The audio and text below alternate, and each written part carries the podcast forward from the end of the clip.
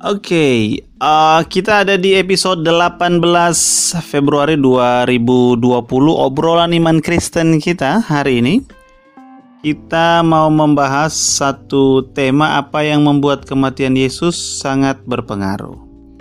Apa yang membuat kematian Yesus sangat berpengaruh? Kemarin 17 Februari kita membahas mengapa kematian Yesus berpengaruh dan kita tahu jawabannya adalah karena Yesus berkuasa sama seperti Adam berkuasa, demikian Yesus pula berkuasa sehingga umat manusia semua mengalami konsekuensi dari apa yang Yesus lakukan. Hari ini kita mau bahas apanya. Kemarin alasannya mengapa, sekarang apanya. Jadi apa sebetulnya yang membuat kematian Yesus itu sangat berpengaruh? Nah, untuk menjawabnya kita kembali ke ayat yang kemarin, Roma 5 kita lihat lagi di sana dengan um, lebih um, dalam, lebih detail. Kita mau lihat ayat yang sama, tetapi karunia Allah tidaklah sama dengan pelanggaran Adam. Kemarin kita bahas kesamaannya antara pelanggaran Adam dan perbuatan Yesus sama-sama berkuasa. Hari ini kita bahas sesuatu yang tidak sama. Karena ayatnya bilang begitu kan. Karunia Allah tidaklah sama dengan pelanggaran Adam kita tahu bahwa Adam dia berbuat salah. Sementara Yesus dia berbuat yang benar. Perbuatan salah Adam berkonsekuensi, perbuatan benar Yesus berkonsekuensi. Hanya di dalam ayat ini perbedaannya ditekankan begini. Sebab jika karena pelanggaran satu orang semua orang telah jatuh di dalam kuasa maut, jauh lebih besar lagi kasih karunia Allah dan karunianya yang dilimpahkannya atas semua orang karena satu orang yaitu Yesus Kristus. Nah, apa yang membuat kematian Yesus sangat berpengaruh? Jawabannya adalah karena sifat dari kasih karunia, sifat daripada kasih Allah itu lebih besar daripada sifat daripada pelanggaran Adam. Oke? Okay? Pelanggaran Adam itu sesuatu yang buruk. Sementara kasih karunia adalah sesuatu yang baik dan kita tahu bahwa kebaikan selalu lebih besar, selalu lebih baik, lebih berkuasa daripada ya, daripada keburukan, kejelekan, ketidakbenaran. Jadi kalau ada dari antara kita yang berpikir bahwa kejahatan selalu lebih baik dari selalu lebih kuat daripada yang baik, itu kita keliru karena kitab suci mengatakan jauh lebih besar lagi kasih karunia, ya kan? Daripada pelanggaran Adam tadi. Di sini kita belajar bahwa kebaikan selalu jauh, bukan hanya lebih besar. Dia pakai kata jauh di sana. Selalu jauh lebih besar daripada hal-hal yang buruk. Jadi kita tidak perlu takut kalau-kalau kejahatan akan menang. Tidak kejahatan akan terus ada ya kan? Karena dari awal konsekuensi pelanggaran ada adalah kuasa maut. Setiap orang berada di bawah bayang-bayang maut. Dan namanya orang yang berada di bawah ancaman biasanya ada banyak tekanan di dalam hati, pikirannya, perasaannya sehingga tekanan itu membuat sikap orang biasanya berubah menjadi tidak baik, tidak baik, tidak menyenangkan. Coba kita kasih contoh ada satu orang yang dia tekanan kerjanya banyak ya kan hatinya tertekan, perasaannya tertekan, dikejar deadline. Maka yang terjadi adalah orang-orang di sekitarnya mungkin di rumahnya, teman-temannya akan mengalami dampaknya. Dampak dari um, jiwa orang ini yang tertekan. Mungkin dia menjadi suka buru-buru, sukanya mendesak orang lain. Ayo cepat dong, ayo cepat dong. Kenapa? Karena dia lagi kejar target. Semua orang di sekelilingnya jadi juga merasa yuk di diburu-burui istilahnya. Kamu ngapain sih kok sukanya cepet-cepet terus? Lu ah, dia mungkin bilang mungkin nggak kalau yang jujur dia bilang aku lagi ngejar target. Kalau misalnya dia ah, orangnya tertutup dia nggak bilang. Dia pokoknya oh, nggak harus harus cepat gitu. Jadi pribadi yang tertekan biasanya terus uh, behave-nya uh, sikapnya biasanya terus mempengaruhi orang-orang di sekitar. Dan kita tahu karena pelanggaran Adam, semua manusia berada di dalam kuasa maut. Dan karena semua orang berada di dalam tekanan maut, itu menjelaskan mengapa orang-orang ini kemudian kita semua merasa waktu sangat singkat, merasa kemudian harus banyak hal yang harus dikejar karena sebentar lagi akan maut akan kemudian menguasai kita dan seterusnya dan seterusnya sehingga sikap kita berubah. Jadi yang harusnya murah hati jadi tidak murah hati, harusnya bisa meluangkan banyak waktu dengan orang-orang dikasihi jadi sangat berkurang waktunya karena kita terus dikejar. Istilahnya dikejar waktu.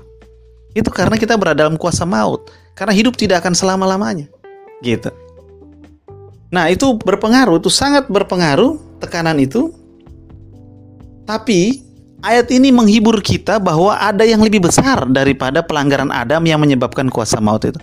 Jauh lebih besar kasih karunia Allah yang dilimpahkannya oleh karena satu orang itu yaitu Yesus Kristus.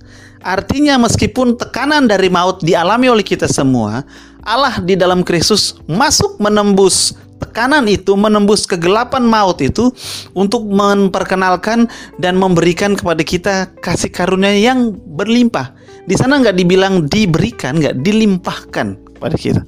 Kalau orang memberikan dan orang melimpahkan kan nggak sama. Memberi itu kan ya saat saya memberi satu atau dua hal. Tapi kalau saya melimpahkan itu nggak satu dua hal, itu banyak hal karena di sana melimpahkan. Jadi ada dua kata yang dipakai untuk menerangkan bahwa perbedaan antara um, kasih karunia Allah dan pelanggaran Adam sangat berbeda. Kata itu tadi kita sudah uh, menyebut satu yaitu jauh lebih besar. Ada kata jauh di sana bukan hanya lebih besar. Jauh lebih besar kasih karunia Allah. Dan kata yang kedua di sini adalah bagaimana Paulus menggunakan uh, kata dilimpahkan. Kata dilimpahkan artinya jauh lebih besar yang dilimpahkan kepada kita. Berarti ini sangat besar perbedaannya. Yang artinya di sini kita dihibur oleh iman Kristen kita bahwa Allah di dalam Kristus dia memberikan hal yang sangat besar melebihi tekanan kuasa maut yang diberikan akibat konsekuensi Adam. Nah, di titik ini maka ketika pertanyaannya adalah apa yang membuat kematian Yesus sangat berpengaruh, maka kita bisa menjawab yang membuat kematian Yesus sangat berpengaruh adalah karena um, sifat kasih karunia Allah yang jauh lebih besar yang melimpah dibanding dengan kuasa maut yang dihasilkan dari pelanggaran Adam. Nah, di titik ini kita tahu bahwa kasih karunia menang. Jadi bukan dosa yang menang, tetapi kasih Allah yang menang. Itu kenapa kemudian kita selalu melihat kepada salib Kristus kita selalu mengacu kepada kematian dan kebangkitan Yesus. Karena di dalam peristiwa-peristiwa itulah oleh satu orang itu maka kita menerima kelimpahan dari kasih karunia Allah kepada kita. Kalau pertanyaan apa saja yang kita terima, maka kita akan bahas itu besok di episode um, 19 Februari. Karena nanti kita bahas tentang pertanyaan uh, berikutnya tentang bagaimana kematian Yesus mempengaruhi saya. Tapi hari ini kita belajar bahwa sifat dari kasih karunia yang besar itu membuat kematian Yesus itu sangat berpengaruh. Bukan hanya berpengaruh tapi sangat berpengaruh. Kita sudah melihat perbandingannya dengan kuasa maut. Ketika kuasa maut itu menekan seseorang, mengejar waktu, maka kasih karunia ini dia masuk dalam hati seseorang, dia membuat orang itu jadi murah hati. Kenapa? Karena orang itu yang orang yang menerima kasih karunia Allah, dia merasakan ada penerimaan Allah di sana. Dia merasakan oh ya dosa-dosa saya sudah diampuni. Dia merasakan pelanggaran Adam sudah diampuni. Dia merasakan bahwa kuasa maut sudah dikalahkan Yesus di atas kayu salib dan kebangkitan Yesus menunjukkan bahwa kuasa maut yang dihasilkan dari pelanggaran Adam itu sudah dikalahkan, sudah dipatahkan Artinya pelanggaran Adam sudah dihapus, dosa pelanggaran Adam sudah dihapus dan konsekuensi dari pelanggaran Adam sudah dipatahkan. Sehingga ketika pelanggaran dan konsekuensi sudah dipatahkan, maka orang yang menerima kasih karunia ini dia melihat, oh iya, tidak lagi dikejar-kejar oleh waktu, tidak lagi tertekan oleh maut. Kenapa? Karena ada harapan di dalam Yesus, karena ada hidup yang kekal dalam Yesus, maka hidup yang dia jalani tidak sebatas pada kematian, tapi kematian tidak akan menghalangi dia karena dia akan terus maju bersama dengan Yesus, bahwa dia akan menikmati kasih karunia Allah dan kasih Allah semakin hari semakin berlimpah, semakin hari semakin besar dan semakin hari semakin indah dan menyenangkan. Itu dia hari ini kita bahas bahwa kematian Yesus sangat berpengaruh karena sifat dari kasih karunia itu dia berlimpah dan dia jauh lebih besar dari pelanggaran Adam dan konsekuensinya yaitu kuasa maut. Bahkan oleh kasih karunia ini, oleh perbuatan satu orang itu, pelanggaran Adam sudah dihapus dan konsekuensinya sudah dipatahkan. Itu dia. Kiranya kasih karunia dan damai sejahtera dari Bapa menyertai kita.